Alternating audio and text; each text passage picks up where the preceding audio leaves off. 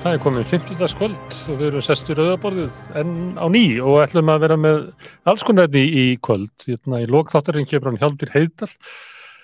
Hann er einn af þeim í Ísleikur samfélagi sem er mikið áhuga á gerfismálunu sem er ráðgóta og, og svona kaun í Ísleikur samfélagi. Ég ætla að ræða við hann í svona kjölfara því að við rættum við Sofíu Sigurðardóttir hérna um daginn og sem hefur að vitalegu svona ferðast um internetið.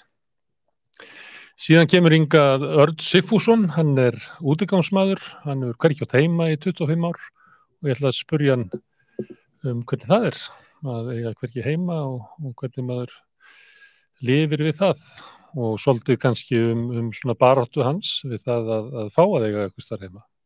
Heyrum að því. Síðan hérna á eftir kemur Steinur Röggvaldstóttir. Við ætlum að ræða svolítið hérna það sem hefur heita bakslag í kvennflisinsbaratunni bæði í, í bandaríkjónum en núna kannski með vaksandi þunga í Evrópu.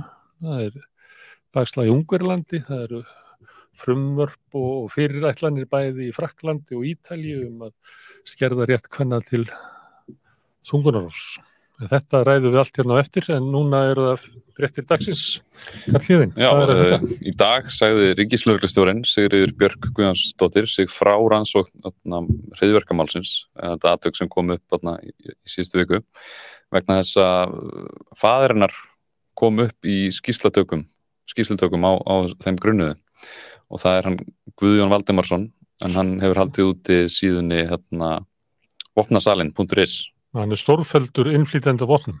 Já, og hann hefur komið upp í þessu máli. Uh, og hvað er þá, er, það, er hann með tengslið hriðverkahópin?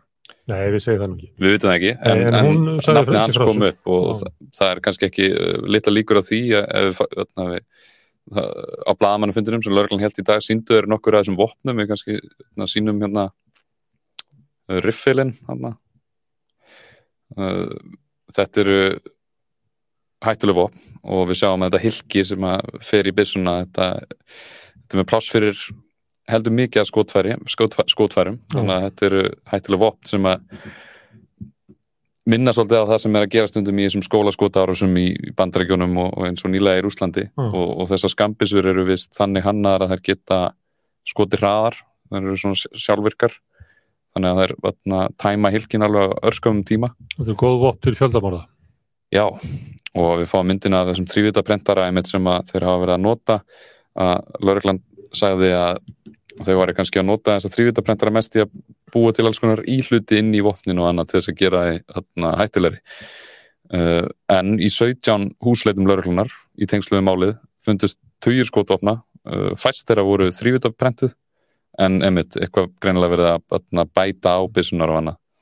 En við bara sjáum hvað setur, við veitum ekki meira Ég kýtti inn á vopnarsalinn.is á pappa Lörgustras það voru alls konar vopnir sölu og svo stóðu línan hérna að geta útvögað vopn erlendis frá. Þannig að það getur sett honum bara óskalista og hann maður vissi ekki að, að þetta veri löglegt. Og svo stók ég eftir að þú reynir að hafa íta ár flipan á síðunni, hafa samband þá liggur það niðri. Svona, og Lörgland sagði það. En svo í dag voru samtökiðnaðar eins og samtöku aðtunulísins með fund í morgun mm. og heldur hann nokkuð hátilega eins Það er mikið svona brafur á þessu er mikið vanda til gaman. verka. Greinilega sko. Mm. uh, samtökiðnaðar eins kynnti kröfugerð sína til, voru með kröfugerð til stjórnvalda. Uh, mjög svona nýfrælsíkilegt dæmi bara eigundur fyrirtæki vilja borga minna uh, til ríkisins, fá meira út úr því draga á eftirlitum starfsemisinni uh, vilja Borgarminniskatt, þau vilja fá styrki. Vilja fá styrki. Vilja minna eftirlit. Og svo sagði Haldur Benjamin í dag og, og fundi samtaka atvinnulífsins að verkefælisreifingin mætti alls ekki leggja fram gröfugerð nú var ekki hann, hann það var Ejólfur Árni Rapsson sem mm. er formaður samtaka atvinnulífsins.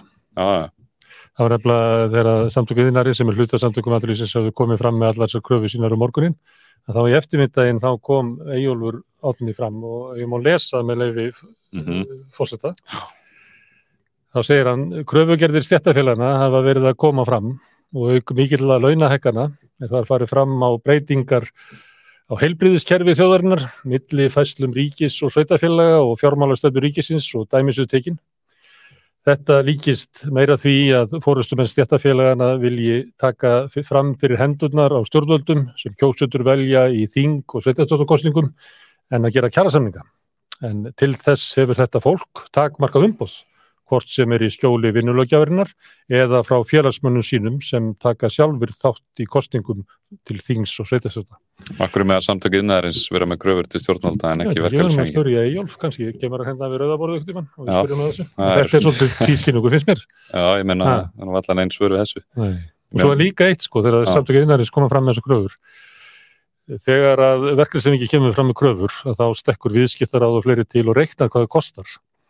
En það er ekki reiknað hvað allar þessar kröfur sem að samtöku innarins komu fram með í morgun, hvað það munu kosta almenning.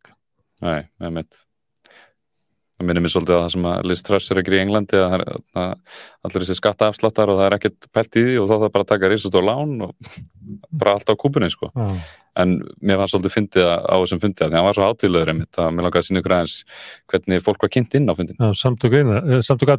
Já, skellum okkur hangað. Komin á svið Halldór Benjamin Þorbergsson, framkvæmda stjóra samtaka atvinnulífsins.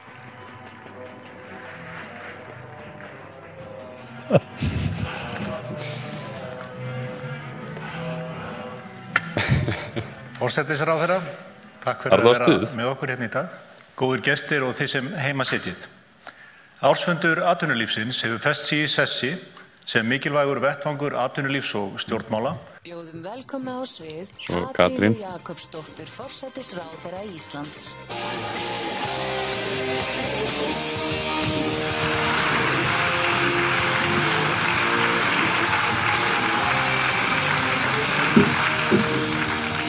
Ef ekki bara hafa þetta lag áfram. Kæru gestir, ég verð nú að byrja á þegar að fá ávarpan Hannes. Ég er nú ekki vissum að þessi samtök lifi af án þín. Hver á núna að koma að endur skoða lífeyriskefrið? Ég veit að kjaratölfræði nefndi er búin að kalla til krísufundar. Já, þetta myndi mér svolítið á hvernig þeir eru farnir að kynna í bandarækjunum svona frambjöðundur republikana sko, það eru flugeldar og þarna, rocktónlist sem kemur inn og þau kynna þetta inn eins og, eins og þetta horfa á glímukefni. Þetta var rosalegt þarna sem Katri var að segja. Já, Því að Hanneski Sigursson er að hætta eftir 27 ára starf og hún segir, já, hver á að endur skoða lífriðskerfið fyrir okkur? Og hún er að vísa til sko starfsmann samtaka aðurlýsis. Þannig að nú þegar hann er farin í frí að þá er bara engin af því að endur skoða lífriðskerfið í landsmanna. Þannig að það er eins og samtaka aðurlýsis hafi verið að endur skoða hér all, all grunnkerfið samfélagsins hinga til. Þetta er náttúrulega dæmi um það hvernig sko stjórnmálafólk og, og fyrirtæki og fjármálseigandur eru bara í sama herbygginu og sama klubnum. maður held að Katrín Jakobsdóttir væri, væri félagsíkin. En hins vegar er ekki að horfa á þessa kynningu án þess að miss, uh, bara flissa yfir. Ég gæti ekki allavega. En í öðrum fréttum þá var nýkönnun maskinu að að sína að ríkistjórnum myndi falla ef það er kosið í dag. Við erum með að- hérna, getur sínt ykkur könnun Ísland. Þannig. Þetta, uh, sérðu, þannig er framsvonarflokkurinn, þannig skrýtir, þetta er, við fengum þetta graf úr kjarnanum, takk fyrir kjarnin. Þannig skrýtir hvernig raða flokkunum, að píratunur efs og kemur sjálfstæðarflokkurinn sem er bara rétt yfir 20%. Þannig að hann er búin að tapa miklu, þannig er framsvonarflokkurinn bara í 15 og samfélging bara skamt frá. Vinsti grænir, hérna ljósgrænur í 8,7. Ef maður þýðir þetta yfir í þingmenn, þá er hver þessara stjórnarflokka að tapa þremur þingmennum, það er nýju þingmenn farnir frá ríkistjórnarflokkunum og þeir komnir inn yfir í minniluta. Þeir sem er að vinna á í þingmunnutalið mest frá kostningum eru samfélgíkinn sem að bæti við þessu fjórum og svo sólstarflokkur sem bæti við þessu fjórum. Það er hálfgett svindl, að þeir hefðu náttúrulega þetta að hafa tvo eða þrjá með að við uh, hlutfall, en þeir voru undir þröskuldunum, þannig að þeir fenguðu ekki. Svo hafa pírata bætt við þessu tveimur og, og, og hérna viðreist einum til tveimur. Málið er nefnilega að það er er að vera hlutkesti ef maður tekur þessar prósutur á milli sjálfstæðarflokksins og, og viðreistnar, hvort að sjálfstæðarflokkur verður að tapa fjórðamanninum og, og viðreist þá að, að ná öðrumanninum eða hvort það væri ekki. Uh, miðflokkurinn er þarna fyrir ofan 5%, það er langt síðan hann hefur verið það. Mm. Flokkur fólksins er þarna við 5% og hefur tapað helmingnum af sínum þingmannafjölda. En þetta er ekki merkilegast að konunin í dag. Nei, við- Það var. Það var í Bretlandi, ef við skoðum það. Þarna sjáum við, sérðu, rauða er verkamannaflokkurinn með 54% atkvæða Vá. og, og hérna íhaldsflokkur með 21. Þetta er bara, þetta eru viðbröðin við þessu sem þú varst að lýsa áðan, það sem að, að, að eiginlega ríkistjórn Liströss setti bara kveikt í Bretlandi. Og hún er bara horfin, hún er liströss, það er ekki hægt að ná í hana. Jó, hún kom í BBC í morgun já, ok, já, já. Hún ætlar ekki að breyta neinu Nú. henni finnst hún vera á réttri leið. En ég ætla að sína þarna er annað graf sem að sína breytinguna. Það er þarna könnun UK2 Nei, hún er ekki. Æja, við lifum við það að þetta inn svona kannanir. Kannski er það að finna það. Kannski hún er líka leiðinni tölum þá líka um að það er næ, því að það er svo sjaldan að, að ég hef áhuga á, á skoðanakönnunum mm sérðu, já, vá, sérðu breytingur þarna það er ekki oft sem þú sérð svona sko. Nei, þetta er meir en jarðskjálti þetta er eitthvað bara Mhm. það er hérna það er eiginlega gaman að bara vera í Breitlandi að skinja svona þeir eru svona mikil breyting í svona pólitískri svona vitund og afstöðu að þú eiginlega finnur þetta út á götu sko. þetta er svo mikið sko. Að það, mjög bara, dramatist það breytist þárgræðlanar já, en það er mitt uh, búið að vera mjög erfitt fjárhagslega og efnaðas aðstæðanar hryggarlegar og, og svo kemur liströss inn og, og gerir þetta það er og, mótmál út um allt, það eru undirbúningur verkvalla, bæði opifra starfsmanna og, og, og almennu markaði. og fólk er að gera sig grein fyrir því að þetta er ekki í þeirra hag þessar aðgerir trass Nei, allavega, hún er ekki að hún er ekki að búa til sátt í samfélaginu. Nei. Þetta með meiri hlutum. Heru, það er þryggja daga ársþing sambands íslenskra sveitafélaga núna á Akureyri. Uh, þau hafa verið að tala um að rekstur sveitafélagina hafa aldrei verið eins slæmur, það er hallið allstaðar uh, þau eru að leita leiða til þess að auka tekjur tekjustofna uh, sveitafélagana Og tapað á samningu í ríkið.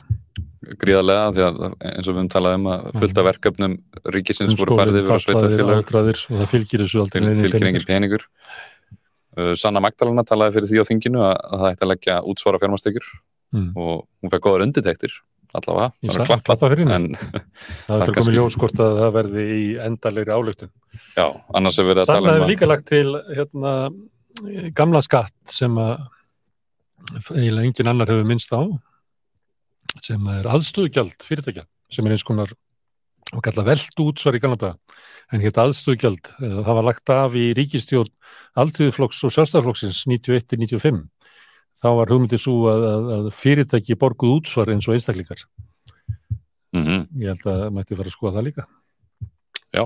eitthvað verða sveitafélagum að verða, tekjur. verða að fá einn tekjur til að geta tekjurnar, að þá uh, setja þau lóðirnar á. Uppbóð Mhm, og það enda með því að, að skattaafslátturinn sem að fór til fyrirtækjana að það eru íbúða kaupendur sem að hérna, þurfa að borga það með því að húsnæðið verður miklu dýrara eða íbúða leyendur, vegna þess að leigan verður miklu dýrari og fólk er að borga þetta æfin og enda áður en að hérna, meðan að aðstöðugjaldi var, það var ekki alveg beintekking þar á milli og uh, fjármannstekjur voru gerðar upp eins og launatekjur og borguð þar endi útsvar eða stæðstu hluti þeirra að þá var lóðum útlutað sem almanna gæðum. þá var ekki litið á að, að borgarlandið að þú getur tekið það og bóðið það upp og þannig að hæstbjóðundu þeir sem hættu mesta peningin getur keift borgarlandið, almanna gæði þá var útlutað og þú fórst bara í byðröð og, og, fólk fekk og fólk fekk útborgað og bygg, eðna, nei, fekk útlutað lóður og byggði sjálftur aðhús og, og svo jáfnvel sko heilu blokkirnar, verkalýsfélagin byggði heilu blokkirnar, en ég ætla ekki að detta út í langa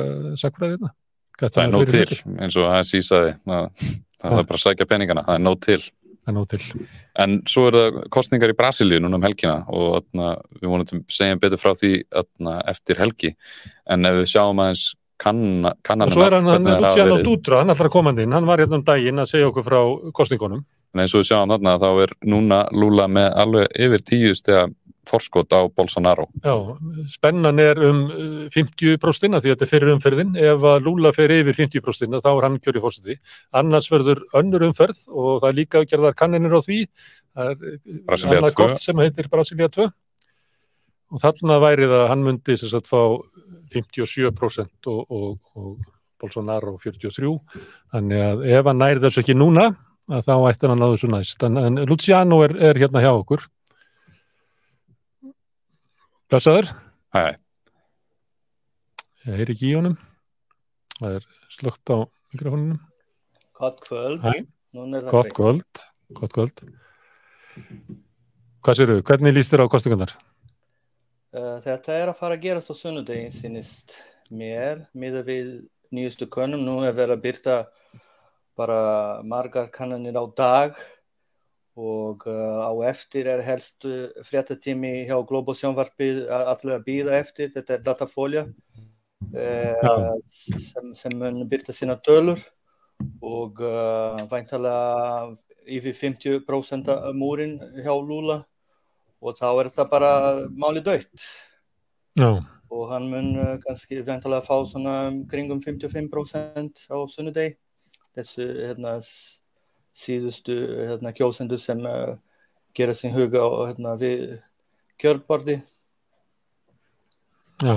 Þú hefur sagt að hérna, vegna þess að hann er með svo afgerandi fórustu að þá megi búast við að svona sveiflan síðustu dagana verði til hans. Þannig að að miða við kannanir í dag að þá er eiginlega bara líklegra en ekki að hann vinni þetta á sundaginn.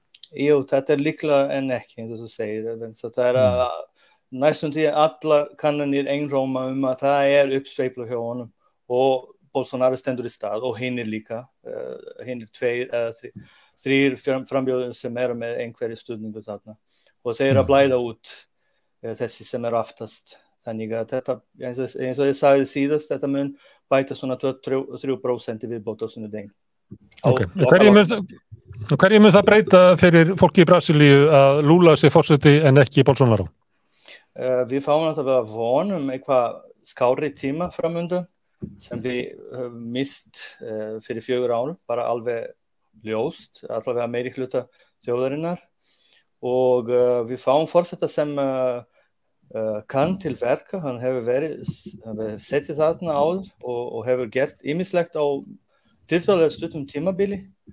Og það er maður sem er með já, hjarta á réttum stað líka, það skiptir gríðarlega miklu máli eftir uh, COVID-faraldrinum og þessi óstjórn sem uh, nú situr og er að á síðustu, síðustu dögum sínum vonandi. Það verður svona litauður í framtíð. Segi ég vegna þess að ég held, Luciano, að þú sért með fallegasta bakgrunn sem að nokkur hefur komið með í þennan þátt. Þetta er ekki William Morris samt. Við heyrust á mánudaginn, þetta er úrslitið líka fyrir. Já, bara minn verður ánægja. Ok, frábært, já. takk fyrir. Takk. Hérna eftir augnablik ætlum við að tala um uh, eiginlega verið mál. Það er hérna sótt að kvenréttindum uh, ekki bara í bandaríkjunum, heldur víða í Evrópu. Hún kemur hérna hún Steinun Rögglastóttir og ræðum um það eftir augnablik.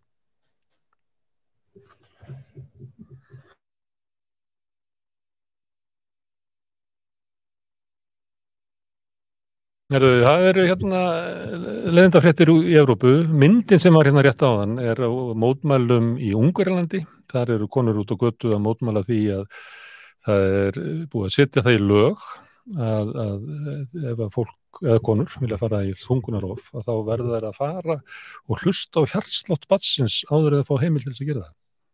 Þetta er bara hverjum datt þetta í hug. Ég veit ekki hvort að þú getur svarað því, Steinar Röggunsdóttir. Hvað, hvað á svona fyrir til það? Já, það var örgulega einhverjum kallmanni sem þetta í hug. Já. Bara, sorry, en hérna, það er svolítið að sína sig að í þessum ríkjum og við getum talað með Evrópu, við getum talað um bandaríkina, þar eru uh, í rauninni kallmenn uh, sem að hérna, komast í valda stöður sem, uh, fyrst og fremst sem að vilja takmarka uh, réttindi og frelsi hvenna yfir líkamann sínum og taka, til þess að taka sjálfar uh, ákvarðanir um hann. Þannig að sko þetta svo lýsir uh, að það sé að gerist í Ungverlandi að þekkjum við náttúrulega líka frá bandaríkjunum og hugmyndin er kannski komið þaðan eða á öðrum, frá öðrum stöðum sem að nota svipar aðferðir og miða allar að því að í rauninni gera uh, konum og hvarum erfitt fyrir að uh, fara í þungunarof og má í rauninni líka bara við einhvers konar, þú veist, pyntingar í rauninni sko. Það er verið að banna það bara í mörgu fylgi bandaríkina. Í algjörlega. í bandaríkjunum er hægt að sjá uh, þeir eru með þetta svona, svona skoðana kannum um pro-choice og allt þetta. Já. Og þar, er, þú veist, er, eitthvað, hérna, er eins og þetta sé deilumál í samfélaginu. Í Ungverjlandi eru Mm. kannanir sem sína það bara eiginlega bara eiginlega allir ungverjar eru fylgjandi bara óbreyttu lögum. Mm Þá uh, grípur hérna Orban og, og, og félagar til þess að vera með eitthvað svona sem er ekki verið að þrengja, þú mátt fara í þungurarof, en búa til eitthvað svona svipugöng og niðurlenga uh, tíma á undan. Já, og reyna þá í rauninni að svona uh, draga úr því að reyna að fæla fólk frá því að uh, leita sér þessar uh, læknistjónustu Mm. og, hérna, og það er í rauninni ber alltaf sama brunni að það er verið að reyna að hérna, koma í veg fyrir að fólk noti þessa heilbreyðistjónustu með öllum tiltakum ráðum og það er bara mis svona uh, alvarlegar og gróteskar aðferðir sem eru notaði til þess og eins og þú segir við sjáum það að í bandarækjunum þá eru uh, kannski að, má segja kannski svona helmingu ríkja séu að banna uh, sem sagt þungunarof að eiginlega fullu eða nánast fullu. mörg- því mörg því, Tvö fleiri á leiðinni. uh, bara í núna í september voru tvö ríki sem voru að taka mjög ströng lög og eiginlega algjörbönn uh, hvert þungunarofi uh, upp uh, hvort það var já, ég man ekki nákvæmlega hvað það var já, eða þetta voru tvö ríki og hérna, og svo það sem er gerst í bandaríkinum er uh, líka þannig að sko það eru fleiri uh, frjósemisréttindi sem að eru núna komin í skotlínuna og það var það sem að feminista svo sem sögðu það allan tíman að það er bara fyrst taka þeir á og svo koma þeir á hérna, eftir og, og fara eftir getnaðvörnunum og aðgengja teknifrjókunum og þetta er alltaf að koma svona ljós í svona mikrofréttum um að konur eigi erfiðleikum eða leys út lif sem að e, eru við einhverjum til dæmis e, sjálfsónum sjúkdómum eða vegna þess að það er í krabbaminsmeðferð vegna þess að lifin geta e, verið notuð á annan hátt til þess að valda þungunarofi og eins að hérna það er að líka byrja að spyrjast út svona fregnir að því að e, fólk sem að er að fara í tæknifrjókun það gæti mögulega, segja, það er í rauninni stressaður að gera það vegna þess að e, sumríkir að tólka það sem svo að, að þungunarof sé þegar að e, það er sagt, að, að lífi í rauninni hefist við e, sem sagt, þessa frjókun Mm. og þá uh, getnaðvarnir eða sagt það að þegar að það er búið að frjóka í tæknifrókun og svo verður það í rauninni svo ekki, fer ekki lengra að það sé þá mögulega brot á þeim lögum. Já. Þannig að það eru, það eru fleiri skref sem eru framundan í bandaríkunum og ógmælari. Já, mjög. Þau eru bara að verða eitthvað svona klerkaveldi. Í, þú sagði karlar. Það er nú nefnir tvær konur. Hérna, Georgia Meloni. Mm -hmm. Í kostningabaráttunni þá var hún að tala um frjósum ítalskra kvenna og, og talar um það og það, það er bara svona eh, hundaflaut um að það verið þrengt að réttinum til hérna þungurhjófs. Í eh, Fraklandi ertu með hérna, Marianne Le Pen sem að er að leggja fram á þingi eða flokkurinnunar mm um að 2024 verði ár frjósemi kvenna og Mm. það verði það sama. Mm. Þannig að þú veist, við getum hort sem Európabúar svolítið á fórundra til bandaríkjana hvað, þú veist, hvað þarf að ganga á í stjórnmálum til þess að verði svona Mhm. en, en svo finnst manni núna bara svona undanfjöldum mánuðum að þá er þetta mál að koma sem að Európabúar hefðu kannski talið að hefðu verið að vera afgriðt mál fyrir löngu síðan Mhm.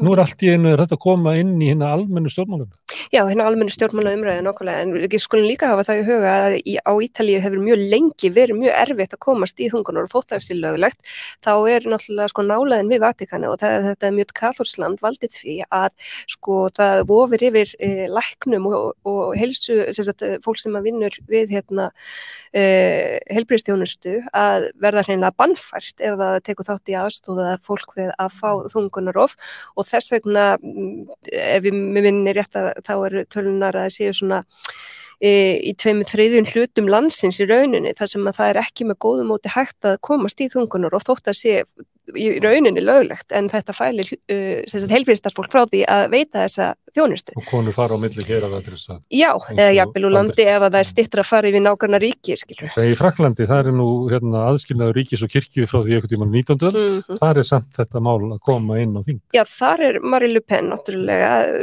getum við ekki sagt að hún sé þekktu fasisti. Hérna, það er deilt um það hvort það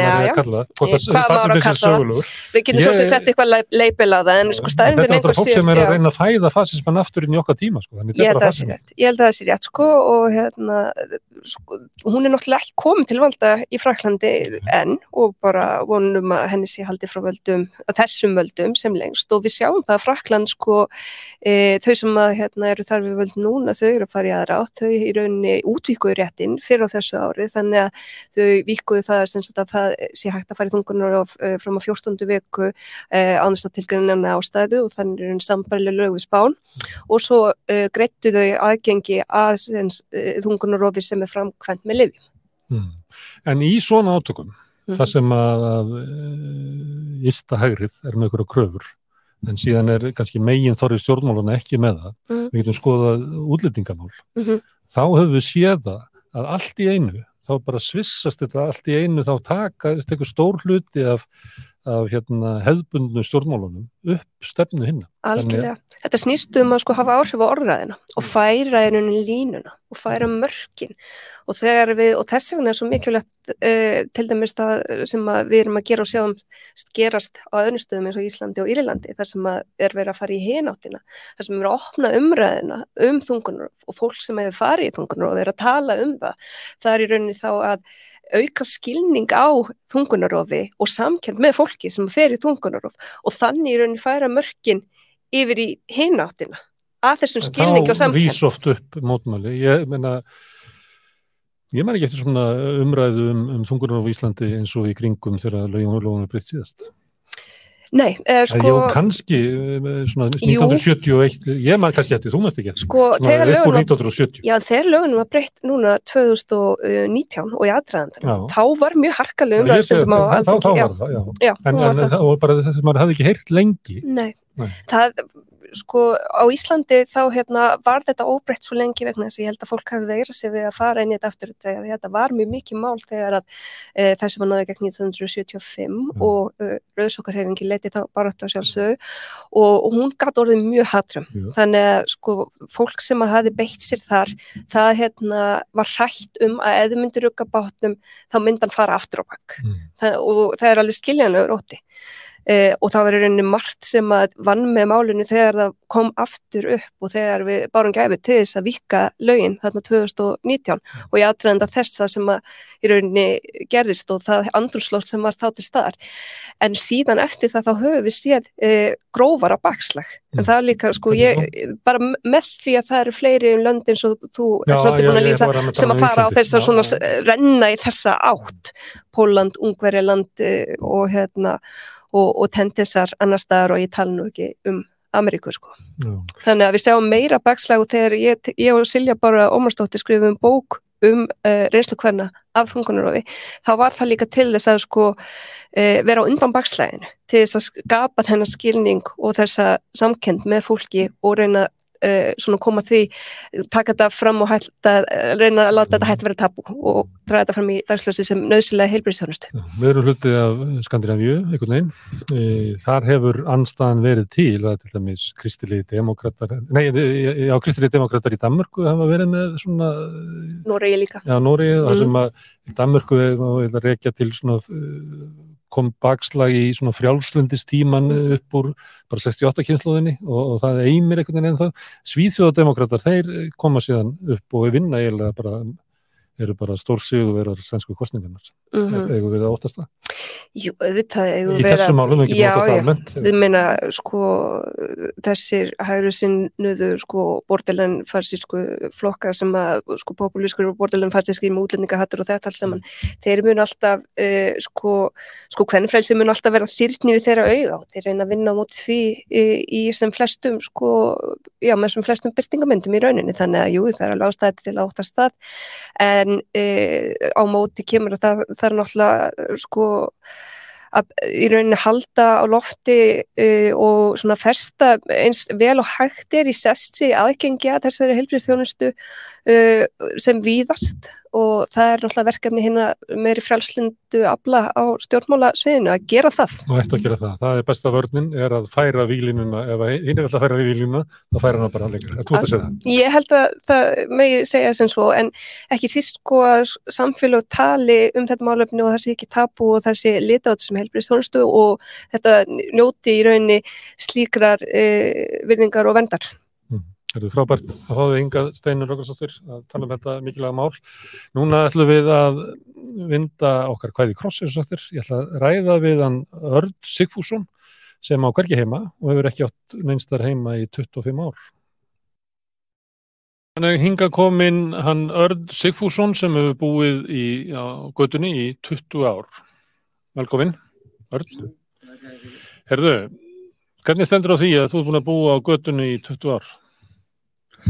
Ég er sattur hefur búin að búa lengur á göttunni Já, og uh, ég miða við 20 ár vegna að ég var ellendis uh, í uh, hvað, 7 ár. Já, bara til að geta haft þak yfir höfuð en uh, það gerist að ég kærði eh, félagsmálastofnun og dómsmálaráðanitið fyrir mísetnu uppeld og krökkum já, fyrir löngu síðan. já, 84 og ég var já, ég fór þarna á einu sinni viku í sykkurastofnununa og benti á ég saði þeim bara sögur frá fólki sem ég hafði kynst hvernig því að það hefði verið mistind. Á, Og- á heimilum eða, eða á, jæsku. á stöðum þar sem þeir hafi verið settir Á Breiðuvík og- Breiðuvík og uh, bóndabæjum hingað og þangað. Já, og uh, ég var að herja á uh, þessi ráðuneyti í hvað, tvö ár. Og svo uh, og fyrir þetta er mér refsað þannig að það kom, var mikið meira fólki sem hafði veist, verið tekið af fóröldum sínum og sett á staði þar sem því var hreint og beint nöðgað, andlega og líkamlega. Og það, því var þrælkað út og ég bara mishandlaði það, fekk ekki að vera börn. Og þetta ger, hljóp mér í skap og fyrir það að hafa bent á þetta þá þá voru borgað skadabætur um 2000 mm. smánarbætur fyrir að hafa eðilagt líf og þá reyndur þetta að vera fleiri þúsund manns Mm.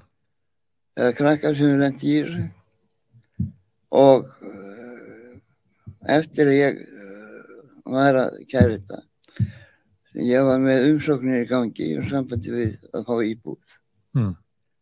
og þá hefur mér ekki veist, mér hefur aldrei verið svarað um íbúð. Ég hefur aldrei verið rættur á fundi um að fá íbúð. Ég hef verið hunsaður algjörlega og ég hef fengið að búa hjá vinafólki annars verið þvingaður til að búa á Lindagötunni, gistiskilinu þar Já. þar sem öll er stólið Mm. Það finnst ekki, finnst ekki gott að vera í gistiskilinu. það er ekki eh, manna bústaður þetta er ekki það er verið að bjóða fólki mönnum að það eru átta stykki sem eru í sama herbyggi sex stykki í sama herbyggi með metris millibili þetta er ekki manna bústaðir Mm. þetta er svo er fólkinu hent út alveg svona hvernig veður er og þvingað til þess að eh, já, bara rápa um göttunar Þú hefur verið í þessari aðstöðu oft. ég hef búin að vera í þessar aðstöðu já. Mm. Og hvernig sefur þá illa á gistiskilinu? ég sef með þar í ha, svona fjóra, sóla, fjóra tíma á sólvenning Hvað gerir þá eftir að þeir eru hent út og þannig að þú mátt koma inn aftur? uh, ég uh, reyni að uh, fara einhvert þar sem ég get komið fyrir Mm. og uh, það er oftast nær bókarsatnið þar sem ég finn mér einhverju bók að lesa og já fæ mér uh, verið samhjálp kannski Í hátíðinu? já, og fæ mér einhver matabita Mm. Hvernig vittu það?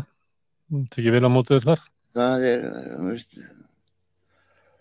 uh, það er ekkert að því sem slíku en þetta er veist, já ég myndi frekar vilja elda minn mat sjálfur Í þinni íbúð. ég hef búin að uh, vara á millilandarskipum frá 13 ára aldri sem annarkokkur svo ég kann að elda Mm. og En má ég spyrja, á hverju lífur? Ég lifi á 150 skrónur á mánuði sem þú færð hvar frá tryggingustofnun. Sem eru þá örkulífyrir eða Já. Og svo á ég að fá örurku frá Svíþjóð. En hún hefur ekki borist þetta árið. Já. Það er einhver, einhver, einhver tröflun í gerfinu. Mm. Hefur, þú hefur sótt um íbúðir á Reykjavíkuborg í félagsbústum Já, já, færði ekki svör. ég fæ ekki svör. Það er, mér hefur verið neitað um, ég hef kært til umbærsmanns alþingis og hann gefi uh, hann ábendingar um að uh, það hafi ekki rétt til að hefða sér á þennan hátt. Mm. En það hefur verið hunsað algjörlega. Og Mm. það var ekki fyrir en eitt lögfræðingur skrifaði bref nú nýlega. Að þá byrjaði einn uh, hjá uh, ráðnýttinu að ringi mig. Og er búin að vera að tala um það núna í hvað, tvo mánuði að ég, ég fá einhverja kvildar innlögn. Já. vegna þess að nýrun er orðin ónýtt eða er að eðlægjast og ég get ekki lifað uh, með ónýtt nýru á göttunni Hefur þú farið í svona kvildarinnlögn? Nei, veit ég hvað það er Þær eru þá inn á hjúkurunaheimili. ég veit það ekki Nei. þetta er bara tal Þetta er bara tal, þú hefur ekki trúið að verði neitt úr þessu. ég hef, það er bara verið að býða eftir ég dreipist Mm. það er svo einfalt það er ég kærði félagsbatteríið til umbásmanns alþingis. Og umbásmaðurinn beður um gagn frá því 2011 til, hvað var það, 2019 og þá eh, er fyrsta brefið í staflónum það bref sem ég hef skrifað til hæðstaréttar 1984 í sambandi við kannabis. Mm. og hæðstaréttur hafði uh, sleppt mér. Eða fríað mig. Og allt í hennu er félagsbatterið með þetta bref og er að senda það til umbásmannsins og allt sem sagt er í brefinu er að koma fram eða hefur komið fram svo að uh, uh, þetta verið vera ein ástæð fyrir því að ég fá ekki húsnæði Mm. Við, nú- nú áttu fátökum maður, þetta með 150 skonur á mánuði sem að enginn getur lifað af. mm. Þú átt varla fyrir mat og slíku hvað þú húsnaði. Mm. Hvaða aðstóð hefur verið fengið frá mm, Reykjavíkborg? Fyrir utan gistiskilið. Enga. Akkurat, jú, þau kerðu mig í dag í apotek. Uh, getur þú þá ringt og fengið eitthvað til þess að gera því apotek? Ég gatt það eftir svona tíu hringingar yngu að þangað. Mm. Ég reyndi mér sér að fá uh, býða það að mér, með, ég myndi vera kerður hingað Mm. en, en það var ekki hægt. En þú þarft að fá eitthvað til þess að keira því að apoteka því að þú hefur ekki þrek út af nýrónum eða eitthvað. Hvernig lýsir það sér? Hvað getur þú lappa langt svona Og ég get lappa tíu metra og þá er ég orðin móður? bara móður og uh, já, hjartaslátturinn er komin í aðeins og hátt. Og, já, Mm. ég veit ekki hvað að segja. Uh, En hvað ertu núna? Hvar sefur þú núna þessa dagana? Uh, ég fæ að sofa hjá einum minn í sófanum hjá honum og þegar ég kom þangað það er svona, ég ætla að sé ekki mánuður, þá svaf ég samfleitt í fjóra sólaringa. Eftir að hafa verið í gistiskilinu og á rápinu þess Já. að milli, lengi. Þannig að þú hefur verið alveg búin á því. Jú. Mm. Og ég er megnunni til bara búin að vera ríkjandi. Ertu mest leikjandi? Já. Þannig að þú ert sjúklingur. Eftir að vera að vinna á. Söngvænt að læknunum, Já. þá hafa þeir skrifað uh, félagsbatteríunum bref og bent þeim á það. En það hefur ekki verið tekið til þess. Hvað, hvað er langt síðan að þú er átt heimili? Þegar ég var í sambúð þá uh, það var frá 90 til 97 Mm. þá vorum við með heimili. Já, það er 25 ár síðan. Já. Og var það hér á landi eða var það... Það var megnum til í Svíþjóð Já. og þá var krakkin á Valdór skóla og út í Svíþjóð. Og það er bat sem að þú átt. Uh, ég á þátt í upp, uppeldinu. Já. Ég get ekki eigna mér vatnið. Nei. Ertu í sambandi við Þannig núna í dag? Mínu fyrirvandi, nei. Nei, en fjölskylduna? Ertu í sambandi við Ég fjölskylduna? eh, hef sem minnst samband við fólk þegar ég er á göttinni. Já. Má ég spyrja af hverju? Er það bara og erfitt að vera í þessari stöðu og vera í samskiptu við fólk eða hvað? Uh, það er, já, ég kann ekki við að uh, láta eins og, veist, maður ekki bankar upp á, allt í lagi, en uh, þá finnum maður fyrir því að það er eins og uh, fólk er að velta fyrir hvað það getur gert Mm. og maður kemur því í vandraðar Já. Ástand og ég vil ekki vera að skapa það. Mm. Viltu ekki bera þín vandræði Mm, á annað fólk? Leggja það á annað fólk? er, En ef að hérna ég myndi spyrja, hvað myndur vilja að líklega Reykjavíkuborg sem á að að sjá um uh, íbúana og sérstaklega þá sem eru standa veikast hvað, hvað vantar þig? mig vantar bara bústað. Þar sem ég get sýnt mínum áhuga málum. Og í staðin fyrir að geta ekki já ég get ekkert gert.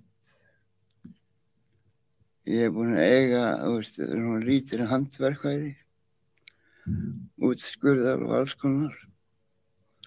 Þessu hefur öllu verið stólið Mm. Og, og ég er ekki með aðstöðu til að, að gera neitt af því sem ég langar til að gera Og þú áttur umvel ekkert annað en það sem þú getur haldið á. já, Mm. það er svo einfalt Þannig að fá að búa ykkur stöðar, það er eiginlega eina krafan sem þú gerir. Uh, fá að búa bara í eigin bústað og búa við samsvarandi kjör og uh, bara eðlilegt fólk. Ég hef ekki verið dæmdur óeðlilegur eða, veist, ég hef ekki fengið stimpla geðveikis eða neitt í þeim dúr. En ég hef fengið það að ég er ekki rétt, rétti maðurinn til að búa í íbúðarhúsnaði. Og er ykkur rauk fyrir því? Hverju Um, ég hef enga útskynningar þú ert bara alltaf aftastur í rauðinni? og þótt að umbásmaðurinn hafi sagt þeim að uh, sjá mér fyrir húsnaði og eða öllum þeim að þeir verið skildu til þess að út á húsnaði þá brjóta þau lög heiklust Mm. og ennþá hef ég ekki fengið Mm. Og þetta er ekki það sem ég er núna, það er, ég fæði að gista í uh, játngám sem er, sem er ekki íbúðarstaður, þetta er ekki bústaður. Þetta er bara, já, þetta getur enga við verið jákvæmt fyrir líkama og sál Að búa. í játnhaug. Mm. Og uh, Þetta er betur en gistiskýlið. þetta er betra en gistiskýli. Mm. Og það er getur maður þó í það minnst að fengja sér þann mat sem maður vill borða sjálfur. Mm. En að, ef maður kaupir matnir og skýli, þá er hún stórið. Og starfsfólkið þar það neytar að uh, leifa því að vera inn í fristir eða kælir hjá sér þannig að það fá í friði. Það uh, skiptir ekki máli veist, það afskipta sem lesið er svo mikið. Mm. Það uh, skiptir starfsfólkinu engum máli hvort það sé stólið frá hinnum eða þessum sem þannig er. Mm. Það er sí og æveri að stela símum, tölvum og þeir hafa myndarinnar og þeir sjá hvað er skeið. En samt koma þeir ekki út og stoppa aðtöfnina. Heldur leifa henn að halda áfram. Mm. Svo á maður að fara og að kæra þetta til löðruglu. Og þeir sem starfa hana og geta þá uh, farið gegnum uh, myndbandin og svo þannig þjóður. Mm. Og þá er búið að selja hlutin og Eða borða matinn. já. Eða borða matinn. Er þessi, ég þakka ekki fyrir að koma hérna til okkar og segja ölliti frá þinni sögu Mm. og ég vona að, að hérna þú fóður húsnæði og kvíldar Mhm. inn lögn þú veitir ekki að því að, að kvíla þig aðeins og ná kröftum Já, þetta er bara, veist, geta verið á réttri næringu. mm. Fyrst að nýrun eru að eðrækjast, þá er ekki mikið eftir. Og uh, því lengur sem það dregst að ég fái húsnæði, því meiri möguleiki er á því að félagsbatterið losni við mig sex fötundir. Mm. og þú eru á tilfinningunni að það sé eiginlega það sem að lausnin sem að þau sjá Ég, þú veist, ég hef ekki trú að ég finn ekki fyrir velvild, Nei. ég finn ekki fyrir góðvild. Þetta er, veist, ég líti á þetta sem reyna mann og onsku að uh, bjóða mann upp á það að þurfa að uh, þræða göttunar og þau reynda að klína á mig að ég væri fullur alla daga, ég drekk ekki. Og uh, vegna að ég varði kannabis á sínum tíma um rétt mannsins til þess að nota uh, lækningajurtir þá uh, voru þeir að uh, hrópa upp mig fyrir það og ég reyndist að vera, reyndi, ég hafði rétt fyrir mig þar. Bannið var ólöglegt. mm. Þetta voru fjóri menn sem komu með banni frá bandaríkjónum. Þetta var pakki sem þeir komu með, fíknjafna löggjöfin og hún var sett fyrir tómi þingja á Íslandi. Mm. Og uh, það er öll lög að hafa upprunum sinn á Íslandi. Já. En þetta er ekki íslenskur upprunni. Herðu, við ræðum það kannski setna en ég þakka þér fyrir að að koma og gefa okkur smá insýn inn í stöðu Mhm. þína sem er búin að vera heimilislaus í 25 ár. Já, það hefur verið voða gaman. Takk fyrir það. Við, kom, við skulum skuttla þér aftur út á Granda. Jú, það gæti hérna verið. Herðu, við hingrum núna augnablik og eftir smástund þá tölum við um gerfinsmálið. Já,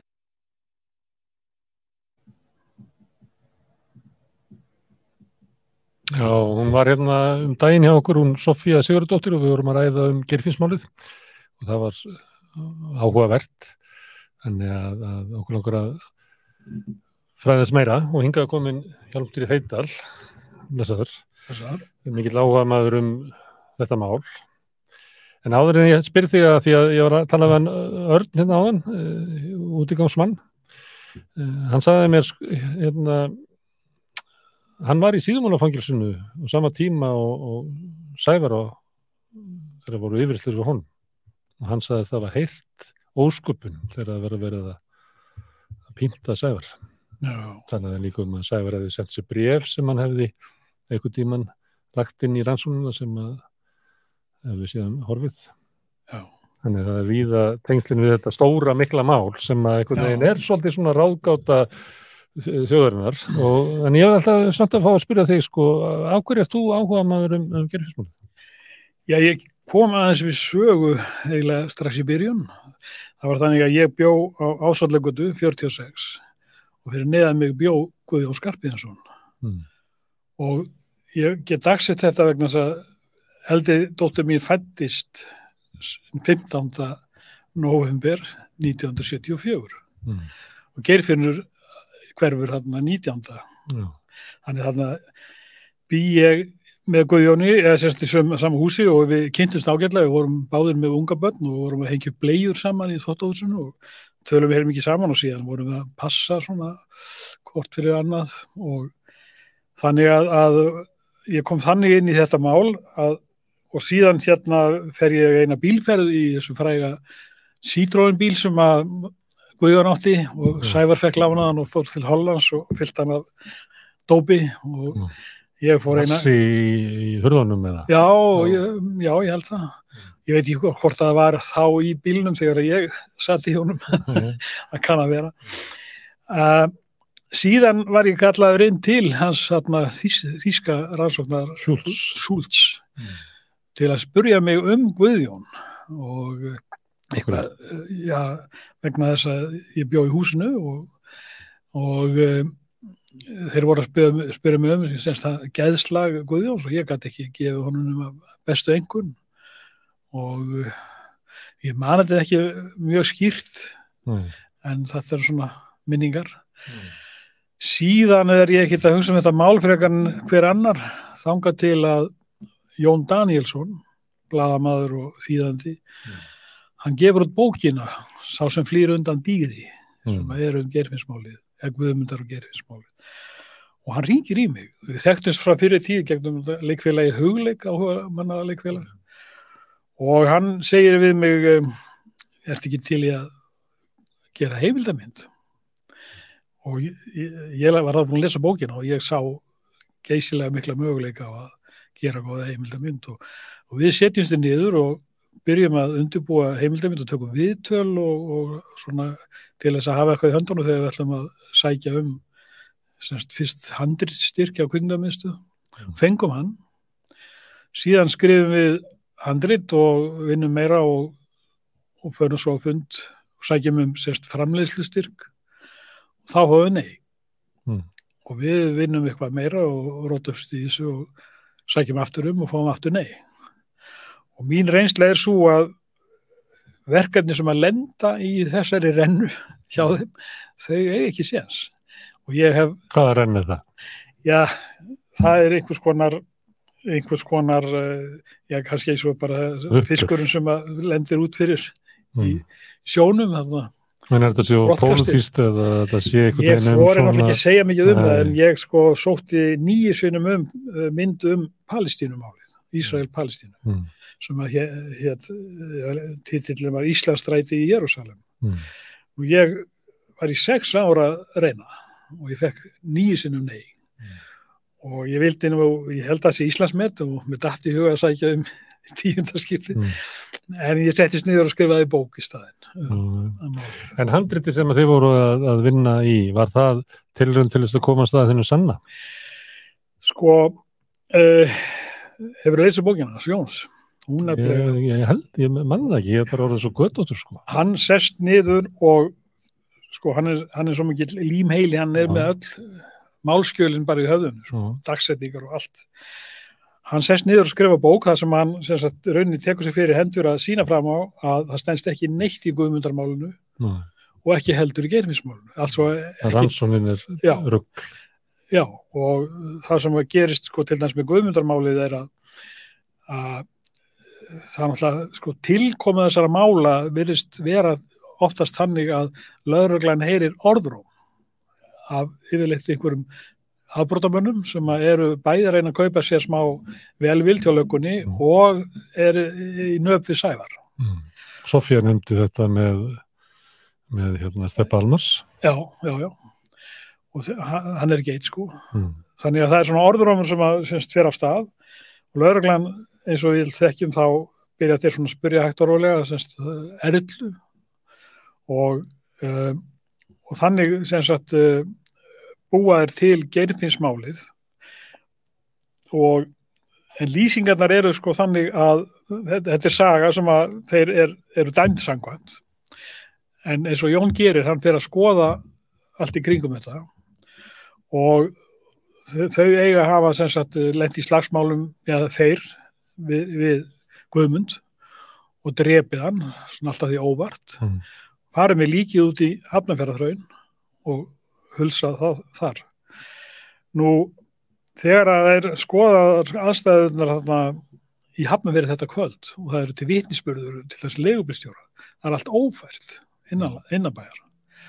Og þeir eiga að vera fólksvækinn sem að vera reyndar fyrstu, í fyrstu frásögnum vera Toyota bíl en svo er það en, í endalegu útgáfinni þá er það Volkswagen sem að á að fara út í hafnarhraun í snjó Mm. og það er náttúrulega gjörsanlega útilokað. Síðan eru vitnisspurður sem koma fram miklu setna sko í fólki sem býr í næsta húsi við hamarsbrautina þar sem allt þetta átt að gerast og þau, þau eru semst að vakandi um þetta leiti sem allir þessir atbyrðir eiga að vera vegna þess að þau rákuðu alþýðhúsið og var að gera upp Mm. klukkan fjögur og nóttina hvað það var og þau bara verði ekki vörð við neitt. Fólkið á efri hæðin í þessu hamarshús í, hamars, hamarsbrautinni það er ekki neitt. Samt er sko trególf á millu og það Það er er ekki brjálað viður. Það er og ég segi það, það var ófært. Þannig að leigubilstjóra, þú heyrir ekki neitt í næsta húsi því það, nei það var ekki vindur það var snjókoma. Það er snjókoma. Já. Nú allavega þá, þá hérna líka annað sko að því að þið töluðum hvað væri hljóðbært þetta er svona lokuð gata þessi hamarsbrauta hluta að þau heyra alltaf í aldrei umferð. Og samkvæmt niðurstöðu dómsins og þessari sögu sem þau eru dæmt samkvæmt þá, þá eru hver, þá kemur hver bílinn og hættir öðrum þarna inn þennan botlanga það er fyrst sko Erla með vinkonu sinni svo kemur Sævar á leigubíl og svo kemur Albert á Volkswagen og, eða Toyota og hann fyrir aftur og svo kemur hann aftur og svo faraði með líkið og svo koma það aftur. Og það er ekki til einasta og það er náttúrulega í öllu málinu náttúrulega það er ekki bara að þið skorti sko líkin það er, engi, það er ekkit vitni til. Og til dæmis þegar að þau eiga að hafa verið að þvælast með líkið af geirfinni frá Keflavík gegnum til Reykjavíkur það faraði ekki með út í hraun svo hefði náttúrulega, þá voru þið búin að samkvæmt sögunni, búin að fara með annað líkþanga þið fara með það og geima það í þvóttahúsi í fjölubilshúsi á Grettskot Mm. og þið keirin í bæ en það er svona öskustígar að þessum gömlu stöðum veist svona eh, stígar á milli húsana og byggt alveg hringir í kring að þau koma með líkið og ég fór að það inn og ég kvikmyndaði svona hringin Mm. Það var svona partur af þessari kvikmynda Mm. undirbúningi kvikmyndarinn og það eru, já það er bara allstaðar gluggar, Mm. það eru sko svona 80 gluggar sem einhver hefði mögulega getað séð þau Mm. og svo sækja þau líkið og þá var aftur þessi möguleiki að þessi alveg endalus vitni þetta var nefnilega, sko, ég man ekki alveg klukkan var en, en allavega önnur ferðin var ekkert mjög seint sko. Og svo er ekkert sem kemur, segir manni að það hafi verið, það verið gengið í hús og spurt og eina Ykkur hafi séð. já, þeir hefur séð menn verið að burðast með eitthvað og það geta þá sagt frá því Mm. og þá væri það komið líkur á því að einhver hefði verið að gera eitthvað. Heldur að löggan hafi ekki að trúa því að neitt hafi síðan neitt? Verður þess að það gerði ekki neitt? Ég hef trú á því að þeir hafi hreinlega uh, búið til, sko eins og stendur í skýslu hérna nefndarinnar sem hann augmundur skilaði, ein, eh, sk- sk- skipaði Skipaði, já. 2011. Niðurstaðan þar er svo að, að lögreglan hafi verið með fyrirfram gefna niðurstöð. Þeir hafi verið alveg, þeir hafi reynd að berja þetta allt inn í einhvern, einhvern ramma sem þeir unnu sangvænt. Mm.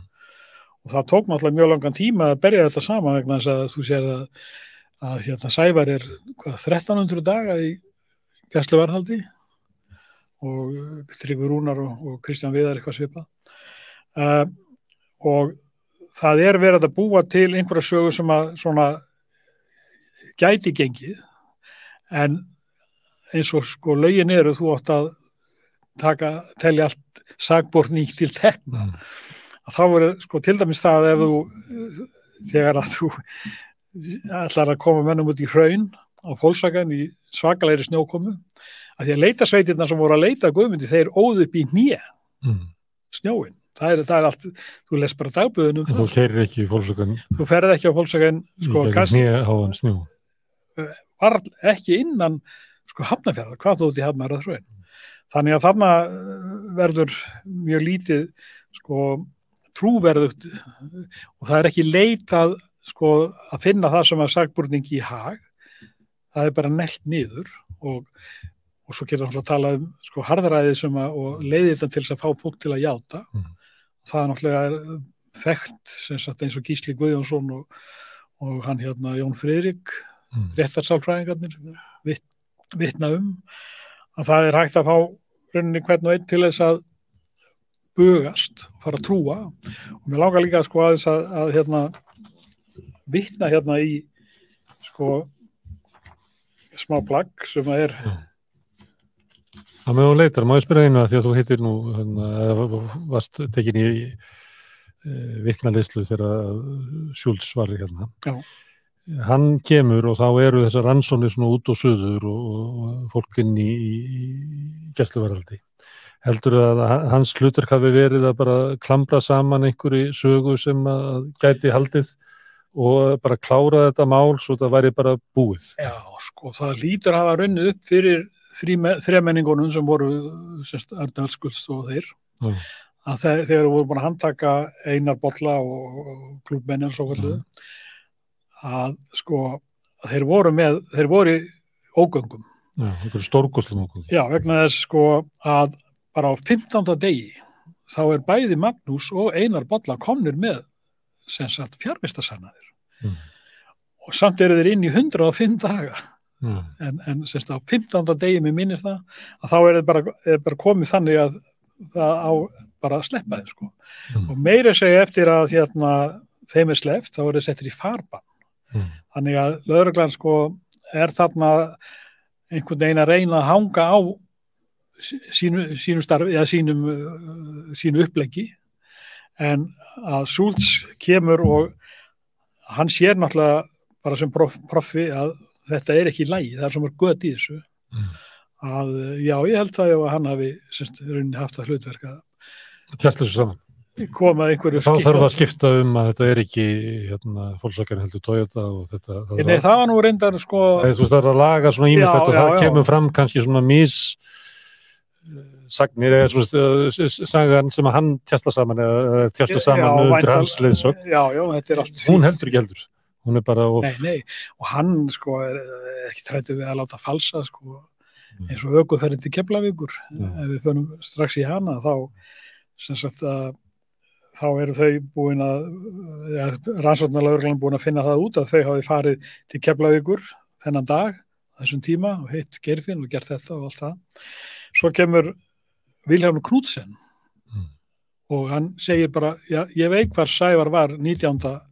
november hann var á Kjarvalstöðum og var á kvikmið sem við vorum að frumsinu ég og pappi pappans, Ósvaldur. Og, og þetta er í dagbók Viljáms og svo er annað vitni Kitty P. sem Sofía talaði um. Hann var, hann var sko að njósna um Sævar. Hann var á kjærastöðum svo að, að, og það er komið alveg klárlega fram að Sævar er á kjálfarstöðum. En hann hefur ekki getað til Keflavíkur. Já, sko, hann það eru tímasetta sýningar og, eh, og hann kom úr seint á fyrstu sýningu svo hann fer sennilega á aðra sýningu og hvernig sem þú, og síðan er hann að tala við Ósvald og Vil, Vilhjálm hann er með mömmu sinni og Erlu og, og, og hvernig sem að þú hérna uh, reynir að koma honum af kjarvalstöðum yfir ja, til Keflavíkur þá verður að finna semst einhvern byrjunarpunkt, einhvern tíma. Og uh, samkvæmt því sem að uh, rauninni hægt er að sjá á þessu sem að leikur fyrir, þá hefði hann aldrei getað farið af stað fyrir en sem sagt, uh, ég man ekki alveg tímasettinguna en og farið til Keflaugur og, og hérna og fyrst fyrir hann sko með mömmu sinna heim í Breiðholt, svo sækir hann alla samverkamennina, Guðjón og Kristján Viðar og einhvern enn. Og allt þetta þarf að gera. Og lauruglan sem sagt fer sömu leið með skeiðklukku. Og en til þess að það nái þá fara þeir 20 mínutum, cirka 20 mínutum fyrr af stað frá kærlastöðum heldur en að Sævar hefði einlega átt séns á að gera.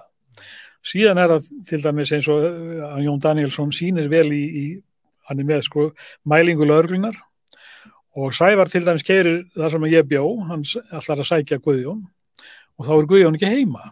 Hann er stattur á lamp, uh, já vinni sínum hann það lampast, hvað heitir það í skæra fyrir það? Það, er hús, Lampægi. já, stakt hús Mm.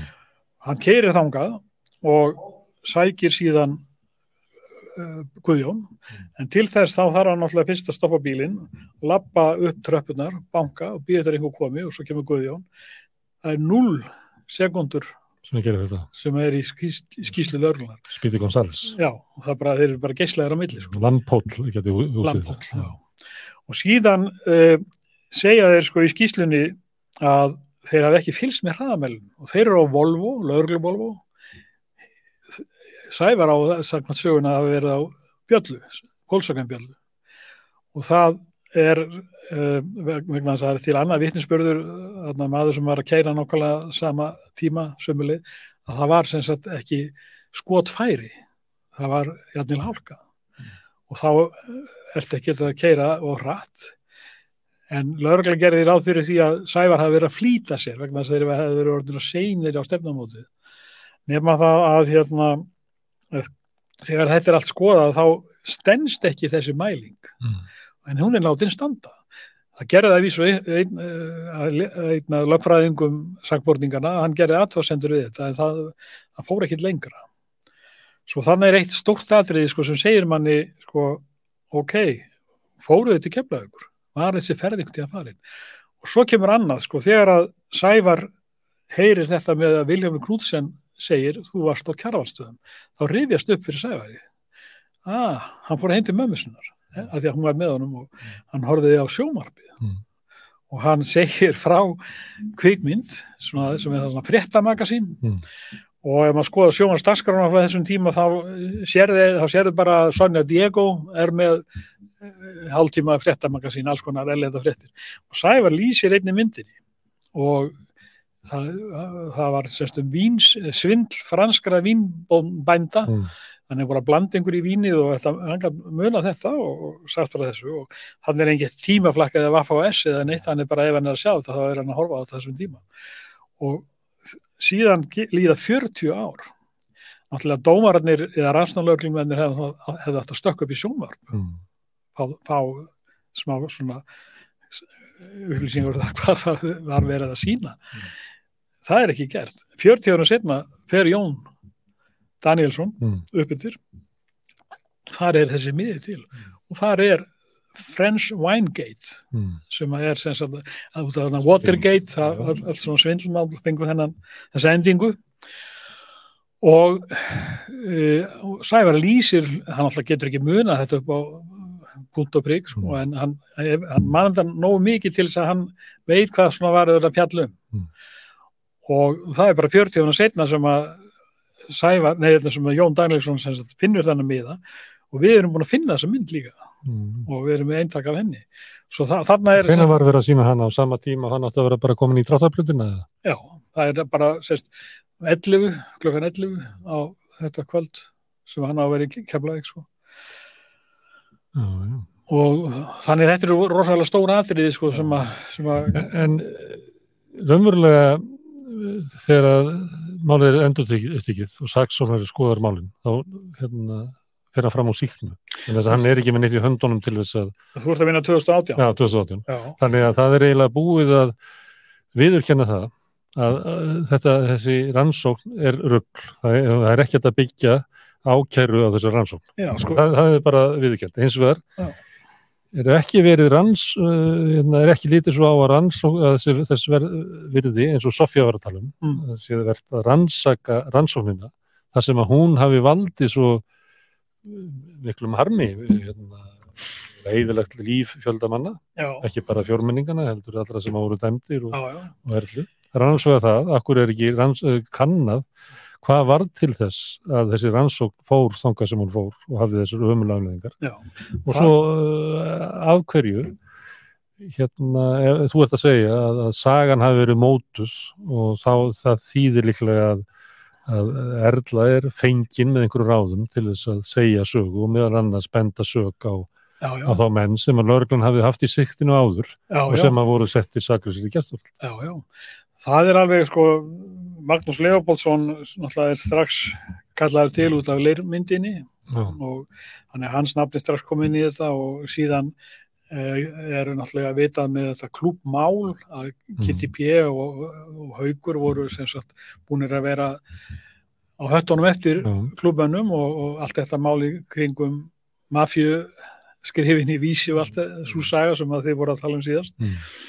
um, en sko uh, sko Sofía hún er búin að rannsaka, hún er að leita að geirfinni Já. okkar kvikmynd og okkar nálgun hefur ekkert með geirfinn að gera í sér Mm. það, er, það er ekki þetta að finna Nei, Þeir eru reykja rannsóknuna við erum bara að skoða glæpin sem var alvöru glæpur sem var rannsóknun. sem er rannsóknin. Það- Þess vegna var ég að spyrja, það- hún hefur ekki verið Nei, rannsókuð það er eini aðilinn sem að glæpamál. Nei, sko, eini aðilinn sem hefur skoðað málið, Mm. mm. íþærlega, það er nefndi sem að augmundur skipaði uh, og skilaði af sér 2013 og það fer síðan til endur upptöku nefndar og hún, svo nefnd, hún ákveður að fara eftir þessu sem að varðar sko morðin að leggja til síknu en tekur raungur sakargiftirnar til hliðar Mm. eins og við erum eins og að vera í umræðinu núna Mm.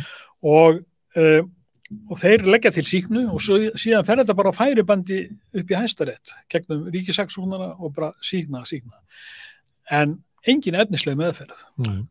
og, og það, er, það er sko, ég er með þá kenningu að, að ef að dómsvaldið gengist inn á það að raungu sakagiftir hefðu verið í sama farvegi og allt annað bara falskar játningar og vafasamar játningar og ungt fólk sem að lendir í hremmingum og lendir í, í, í þannig, þannig umhverfi að þau bara missa fótana Mm. Og taka upp sögu sem er búið að matrið áður. Já, eins og Sofía nef- nefndi meðan hérna mannin sem að eh, Guðmundur sem að bjóð til söguna sko, sem var svo kallar fyllir í sögum. Ja, ef að dómsvaldið sem sagt uh, felst á það að þau séu ekki bara síknuð vegna skorts á sönnunum, heldur séu þau saklaus að þá er að, og, segja semst að raungu sakagiftir mm. standist ekki frekar Mm. þá bætast við fjórir fjögur fórnarlömp lögreglunar sem eru klubmennir og einar og, og Valdimar. Þá eru þeir líka fórnarlömp sömu vinnubræða. Ekki ránkra sakagifta erlu. Nei, ekki, ekki Erlu Sæfars og Kristjáns Viðas, þau voru alltaf dæmt fyrir það. Sko. Mm. Þarna, þarna er sem sagt að ríkislögmaður sem að barðist gegn því að Guðjón Skarpíðarsson gæti sótt bætur. Hann lýsir því yfir að það sé ekkert sem segi að ofnverði starfsminn hafi gert eitthvað ránt Brynja Níelsson bara fyrir örfáðan dögum var að segja þetta hann er búin að segja það miljónsinnum og ég þekki menn úr innan úr þessu kerfi sem að eru alveg sannfæriður um sekt erlu og eru líka gjössanlega ósáttir við síknununa og og þeir segja bara dómunum frá 1980 stendur. Það er ekkert búið að afsana hann segja þeir. Og, og svo segir til dæmis endur upptöku dómurinn núna það er engin ný gögn í málinu. Mm. og þess að það loka, loka þeir á erlu endanlega, hérna heima. Engin ný gögn. En það búið að síkna í þó, en síknunin er unnin þannig að það er ekki farið ón í málið. Nei. heldur þetta bara kyrt í gegn vegna þess að það sjá allir að það er einhver sem hefur gert stórlega á sig og uh, réttarvörslukerfið fer þessa leið og vonast til þess að sleppa. En Erla heldur áfram eðlilega. Og mér langar aðeins að lesa hérna smávegis það þegar sko að, að því að vera að tala um sko hvað fólk þólið mikla fangavist áður að fyrir að efast um eigin vitneski og, og sína eigin stöð og hvað það veit og hvað það gerði og allt það. Að þegar að þarna, Einar Bollason, Magnús, Sigurbjörn og Valdimar eru síknaðir og náttúrulega lísti saklusir, þá er sagt dómurinn Þeir voru náttúrulega, þeir, voru- aldrei stemt, þeir, þeir voru dæmt á bæturnar eða ekki. Ekki Jú, þetta, þetta er dómurinn það sem þeim eru dæmdar þarna Þeir voru 20 náttúrulega aldrei ágerðir. Nei. Nei. Dómurinn telur einsýnt að stem, stefnandi, það eru þeir, Mm. hafi liðið mikla þjáningar í gæsluvarðhaldinu og eftir það. Skýrsla stefnanda um líðan sína sem gefinu var fyrir dómi var á allan hátt trúverðug. Þessast líðan í, í fangavistinni. Þar kemur ljóslega fram svo einfalda, svo andlega þjáning að vera neftur saklaus í gæsluvarðhald sem framlengt er tvisa sinnum og verður 105 dagar að lengd. Óvissan, kvíðin og vannlíðanin sem leiti til þess að saklaus maður fer að efast um sitt eigið sakleysi og fer að halda að hann hafi raun verið flæktur í alvarlegan verknar á þess að muni það. Þetta er niðurstaðan, sérst þegar að þetta eru, eru orðanum sem spildum einar í bolla. Og svo ef þú ferð hérna í, í, í bók, bækunar sem einar og Magnús skrifuðu, eða, það voru einhverja aðri sem skrifuðu fyrir það minni mig, Mm. þá stendur bara einnig blaðsjöðu að eina segir, eftir viku var ég farin að efast um og ég farin að halda að ég hefði verið flektur inn eitthvað sem ég bara Mhm. myndi ekki og að því hann treysti yfirvöldum, hann treysti réttlageslunni þá lítur þeir að vera að segja eitthvað að viti, eitthvað sem hann bara og þetta eftir viku. Og, og, og þetta, síðan segir hann og síðan segir hann og hérna Valdimar og Magnús í brefi sem að þeir sendu Katrínu Jakobsdóttir þegar að stóð til að Erla fengi, eða var að vera að ræðum að hún fengi bætur, þeir mótmæltu því og þeir segja í brefinu að það geti engin manneska sjá. Þeir segja sem sagt að aldrei hafi þeim komið í hug að, á að játa á sig afbrot sem þeir höfðu ekki framið og draga í ef að fólk almennt sé tilbúið til slíkra falskra játninga þó þó að það siti í gæsluvarhaldi. Þetta segja þeir í brefinu sérst, nýlegu. En sjálfur segir svo, hérna, eins og ég sagði á þann, einar að eftir bara viku var hann farin í eftir sjálfa sig. Og svo segja það líka þessu samme brefi, þessu nýja brefi, að lögreglan hef ekki reynd að stýra þeim með neinum hætti. En í bókinas Mm. Magnúsar Leopoldsson er bara alveg langur kapli, þar sem hann lýsir því sko, Í eitt skiptið bauð Sigurbjörn Víðir mér samning, hann taldi sig hafa umbúð til að bjóða mér tvö ára á litla hraunni ef ég játaði strax. Mm. Og samt segir í brefinu að lauruglan, og það er miklu fleiri lýsingar á því hvernig lauruglan reyna að brjóta niður, en hann stóðst, hann fór ekki að efast um sig. En í domnum, sem sagt, þegar, sem, uh, úrskurðinum þegar að þeir eru frjálsir endanlega að fá bætunar, þá er bara sérstaklega kaplum það að menn get ekki staðist svona, þeir fara að efast um sína eigin sekt eða segleysi. Og hvað þá með sæfar og þau sem að, og eins og þú varst að lýsa á þann frá viðtalinu við hann gamla mannin hérna, Mm. að, að hann heyrði pyntingarnar og það er líka til, sko eins og hann, hvað heitir ekki, Jón Bjarman presturinn Já. og, og sem nokkri fangaverðir eða minnskusti einn eða tveir. Og þetta er allt uh, Þetta er þetta er allt vitað að þau lenda bara í hakkavel og Einar Boll, nei, ég segi hérna, já Einar Bollarsson og, og Magnús þeir lenda í sömu hakkavel þetta er að bara strík yfir það sko þess að, að einhverjum ástæðum þá eru þeir svo sannbærðir um að erla þetta sé allt komið frá erlu Mm. en svo langar mig aðeins að hérna líka að því að sko lögreglan er að þegar þeir eru búin að ákveða að þetta hafi allt gerst í dráttabrautinni þarna ní- 19. november 1974 að þá eru þeir að, að reyna að púsla sem sagt e, atbyrðin eða púsla saman atbyrðum og þeir, það stendur í einni eh, skýslunni að þarna e, að lögreglan leggur fyrir Sævar og Erlu og þau myndir af 16 eða 17 mönnum sem að, svo stendur það orðið rétt sem lögreglan telur líklegt að hafi verið í dráttabröndinni 16 og 17. Já, og svo hérna Þið veit ekki líklegt að þessi 16 og 17 manns í dráttabrutinni. það er þetta sérstök samkoma Já. en hverjir eru þetta? Þetta eru svona menn sem eru sko, það eru flestir þeirra eru tengdir eitthvað þessar svo kallu ávísunarkeðju sem var í gangi þetta frægar á ávísunarkeðju Keflavíkurvelli. já, Rósavall Argrímsson. já, já, og, og svo er það klúbmenn og, og eh, menn sem tengjast veitingabransanum mikið og ýmsir Gulli þekktir og... Gulli Karnabæ sem að aldrei drakk vín á þeim Nei. tíma hann var máum minn sko Mm. þannig ég þekkti hann vel það er, það, og lauruglan sýnir þeim þessa, þessar myndir og er að reyna að fá þau til þess að benda á einhverja og þau konast til dæmis ekkit við Sigurbjörn Eiríksson Mm. aldrei síðan en þetta er svona hluti af þessu að það er verið að, að Fiska... fiska, Hvaðan kemur þetta fram að, að þe- þeim hafa verið sínd, sínd að það er í þess skýslunum það er í yfirherslusblöggunum Þannig er Ásker Hannes Eiríksson. já, já, pulsursali þannig að þetta er Þetta er stjartfræðilegt. Já, þetta er uh, hreint ótrúlegar ótrúlega hluti, sko. Ok, en hérna í málinu og finnast ekki lík, Engin líka. það- Engin vitni. ekki vitni og eiginlega ekkert mótíf heldur því það er einhvern veginn verður svo skrítið að, að, að Guðmundur er það bara óvart og svo er þessi spýrasaga verður eitthvað svo já. en í rannsókninni þar eru fornalömbin til og aðferðinar eru þekktar Já, já. ekki morðvotni undir segja en aðferðinar eru þekktar Mm. hvert er mótífið?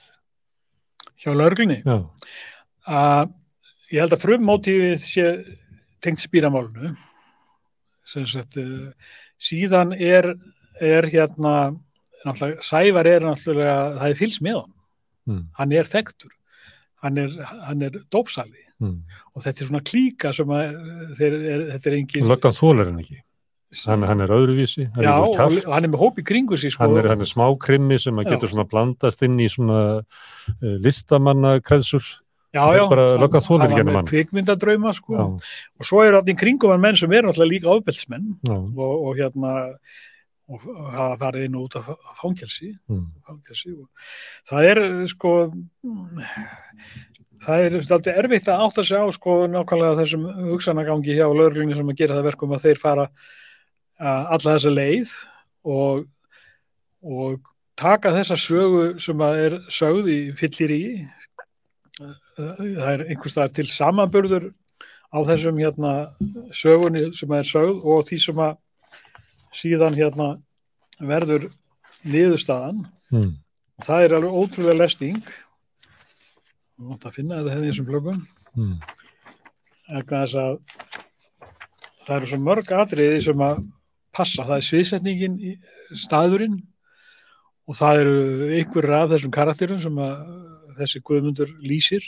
Mm, og það eru peningupphæðin sem að tölu, talað um 70 skall uh, það er sendibíl ég man ekki, það eru alveg um tíu atriði sko sem að Þú að tala um það sem þú kallar áðan fyllir í röfl í þessum Guðmundi, Jagnarsinni sem að sem er kveikin að þessu.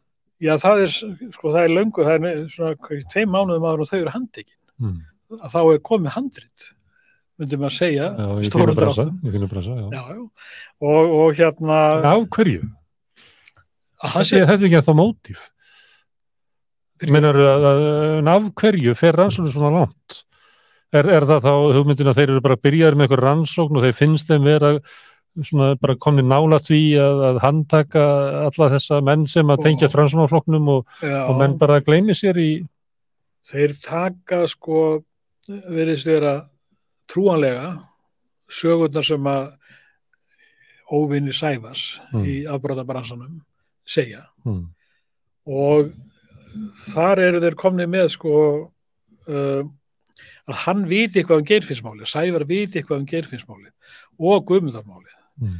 og, og hérna og þá er spurningin sko hver hefur frumkvæðið því að spurja þessa fanga og um akkurat þessi mál En Þá að byrjuðu eitthvað svona rannsókn í tengslum við spýran. já, Sagði þess að Guðbundar komin fram. já guðmundur, mál guðmundar er ekkert kriminelt þetta er mannskvarf Nei, ég sé þess að fyllir í srölu sem Já, fyrir- það var komið áður að, já, já, já, já, já. semst sviðið og svona kar, nokkri karakterar og svona nokkri atbyrður þeir eru þarna Mm. og síðan er bara fólki í hlutverk og eða barið inn í hlutverk. Og eins og bara lýsingarnar á því hvernig fólk brotnar og bögast og Sævar var mjög, sko hann neitaði öllu upphafi. Mm. hann alveg, hann kannast ekkit við þetta og tryggir rúnar og þeir, er, þeir koma bara fjöllum sko. Mm. og svo er þetta líka gaman að, að velta fyrir sér sko þegar Sævar fattar að það er alls að hvað hann segir hann reynir að hérna að segja um þetta sé allt bara miskilningi byggt það er ekki hlustað á hann. Að því sambandi við guðmyndarmáli að þá eh, þarna er það tenn sem er alltaf skemmtilegt að því leiti að er svona eh, skondið að því leiti að það er alltaf afhjúbandi að fyrst er það fólks, þarna Toyota bifrið, gul Toyota bifrið sem þeir eru að keira með þarna líkið að guðmundi. Svo uppgöttaður einn lögreglumæður að papp, þetta bíl pappa Alberts. Mm. að hann átti engan fólksakar þessum tíma engan Nú, þessum tíma. Hann átti fólksakar mm, þá breytist það í fólksakan og allt í einu er hjá öllum komin fólksakan og Sævar gerir meira. Hann bætir inn einu manni, Gunnari. Mm. öllum fyrstu skýslanum er ekkit minnst hann eitt Gunnar. Svo allt í einu er komin Gunnar, þá er hann komin allstaðar Mm. og hann er Löggan kallaður er bera sögun á milli. já, hún er, hún er alltaf samprófa og, og berja á milli. Og svo er eitt til dæmis að í þessari íbúð þar sem að slagsmálun eru og fólkið upp á lofti heyrir ekki neitt það heyrir alltaf þegar þau voru að spila tónlist og stöppuðu þá í gólfið fannst það að vera á hátt að, að hann er drepin í þessari íbúð samkvæmt sögunni og það er ekkert í íbúðinni. Te- te- teppir eru sendið Þýskalands og Mm. það finnst ekki neitt.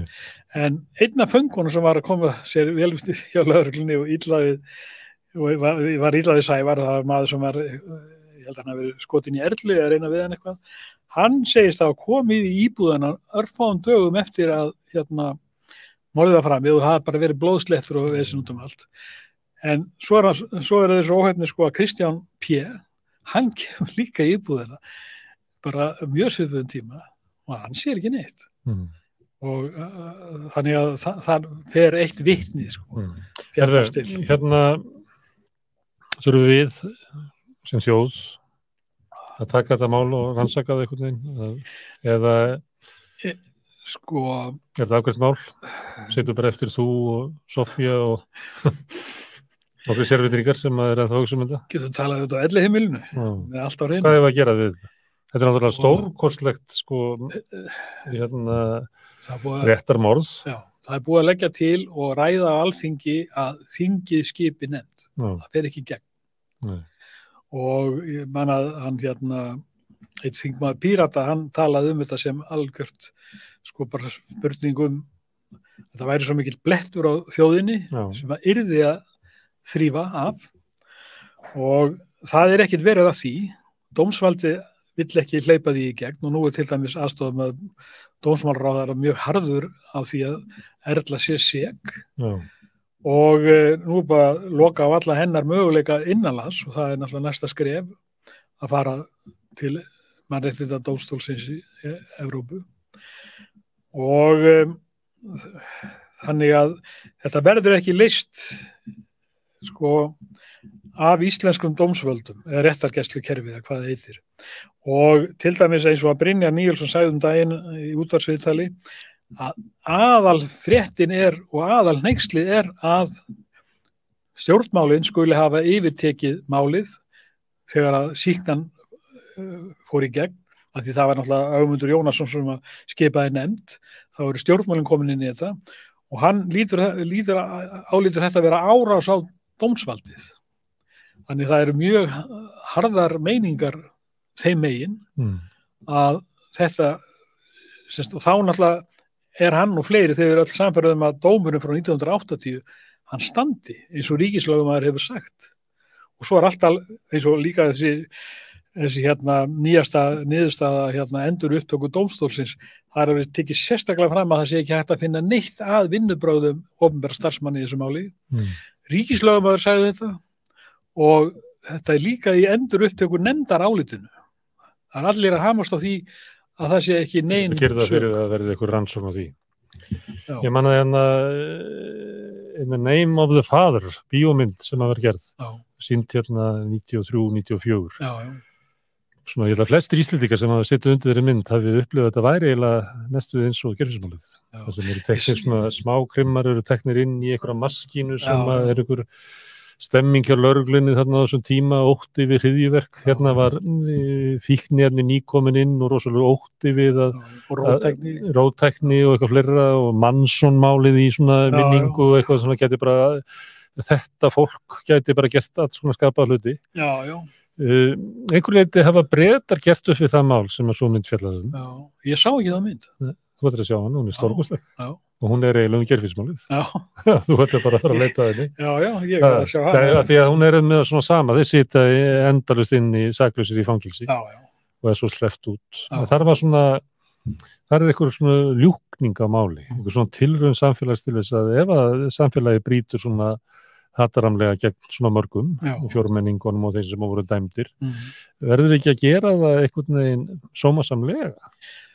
Jú, ég uh, hugmyndir um að reyna að gera kvikmynd sem er náttúrulega góður miðill Já, af því að það er til dæmis með þessa bílferð sem við varum að tala um áðan það Mm. er svo gott að gera það grafíst sko. já, hvað er þessi mínútan sem áttu Mm. mm. tværi myndi hér hvernig búa þið til uh, fall, Mm. hvernig, það er þetta Sigursteinn var með eitthvað svona Já, Ég man allavega eftir þannig að þegar bílinn breyttist úr, já, já, úr, úr Toyota í, í, Volkswagen, það er í þeirri mynd. myndi sem hann og hann hérna maður Magnús Já. Svo reyndi við að Víkingsson að gera mynd sem að strandaði. Já, var það? Já, hann gerði, sko það er búið að skrifa, Upptökur. það er búið að skrifa 11 bækur já, og 5 kvikmyndir og sjónvastætti um þetta mál já, þannig þetta er eitthvað mál já, og hver, kvikmynd, hver bókin og hættur annari sko er með atriði sem að sem sagt eru mjög aðtugunar verð og, og bara strax fyrsta bókin er þetta eftir hann Þorstein Antonsson já, svo kemur hann Stefán Unnsteins mm. Uh, og svo- statuðu strókur, hmm, statuðu strókur, og, og svo kemur bókin frá Sævari sjálfum, þetta dómsmórið já, sem við alveg mikið eh, það sem Ragnar Aðsteinsson vann mikið af þeim skýslum sko. já, þannig að það, þetta hefur snert ma- marga. Já, og er óleist mál. óleist mál. Og Erla situr uppi með það að hún sé seg um að hafa borið, borið rángar sakir á þessa menn. Og um, sem að þér finnst óreillátt. Algjörlega út í hött og, og, og þetta mál, þessu máli getur ekki lokið öðru sem að þannig að, að ég verði sáttur og fleiri að Erla fái sem sagt síknun Þú ekki að stoppa hér? Já. Herðu, ég þakka hjálmtí kærlega fyrir. Við kannski höldum við áfram að fjalla um þetta mál. Þetta er, þetta er stort og flókið og erfitt mál. En við segjum rauðaborðinu lokið í dag hérna morgun að þá verður uh, helgispjall. Þá hérna klukkan 5 sendum við út þátt þar sem ég ræði við Berglind Rós Magnúsdóttur uh, um, um ástar, ástar uh, kannski kærleikshækjörfið og ímislegt, stjættaskiptingu skólum og eitthvað fleira. Ég hveti ykkur til þess að fylgjast með á morgun. Uh, ég hveti ykkur líka til þess að aðstofa okkur við að byggja upp samstöðuna með því að læka síðurnar á YouTube og Facebook, fara á skoðið samstöðun.is þar sem við skrifum fréttir og þar eru líka allir þættirnir aðgengilegir. Þið getur líka stutt okkur, borgað eins konar áskrift með því að ganga í alþýðu félagið sem er fjárhastlegu bakkjarl samstöðurinnar. Það er gert inn á samstöðun.is, þar er nappur sem heitir skráning. En uh, öðru leiti þá ætla ég að kveði ykkur núna en að því að Svavar Pétur Eisteinsson, prins Pólo, uh, dó í dag að þá ætlum við að enda láta hann slá botnin í þetta. Þetta er upptaka á Kekshostel fyrir tölvöru síðan 2014 ef ég maður rétt Eh, og það er kraftur í prinsbólu þannig en góða nótt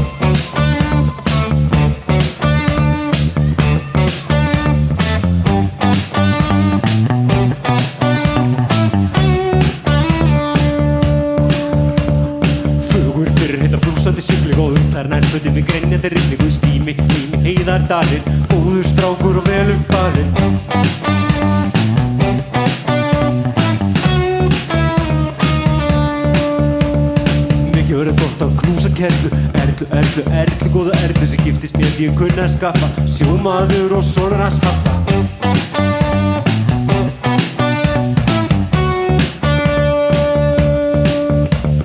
Hlakka svo til að hitta börnin Mari og Hænu, Hafþór og Örnin Vinnum tíma, klippa smá líma Í eftingaleik fram að hátta tíma.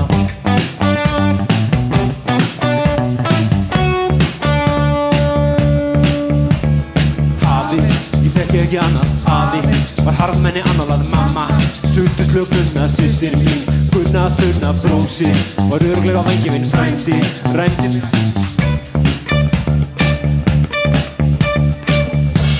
Ég þekki ekki annað afi Var harmenni annálað mamma.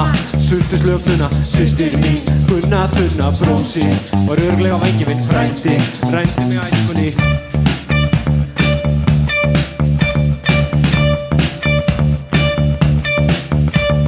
Þegar heim er komið býðum í flaskan Og á tröffanum stendur færða taskan. Erla góð að fá mig vini á hæsbak Síðasti túran kjörðum þverbak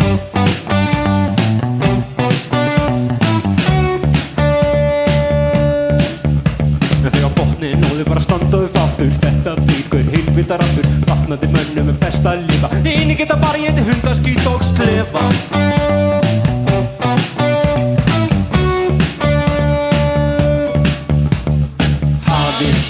ekki annað Afi, var harmenni annálað mamma. Sultu slögnuna, systir mín. Gunna þunna, brósi Var örglega vangi minn frændi. Rændi mig ég þekki ekki annað Afi, var harmenni annálað mamma. Sultu slögnuna, systir mín. Gunna þunna, brósi Var örglega vangi minn frændi. Rændi mig æskunni. Takk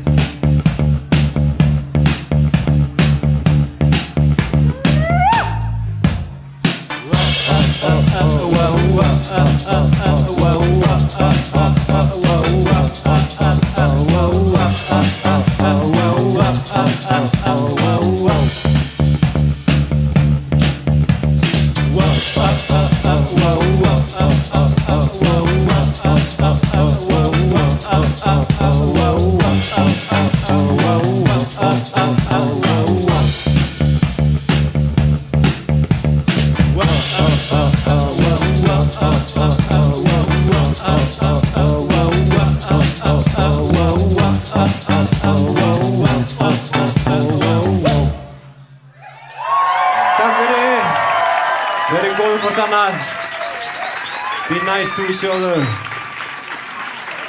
Thank you so much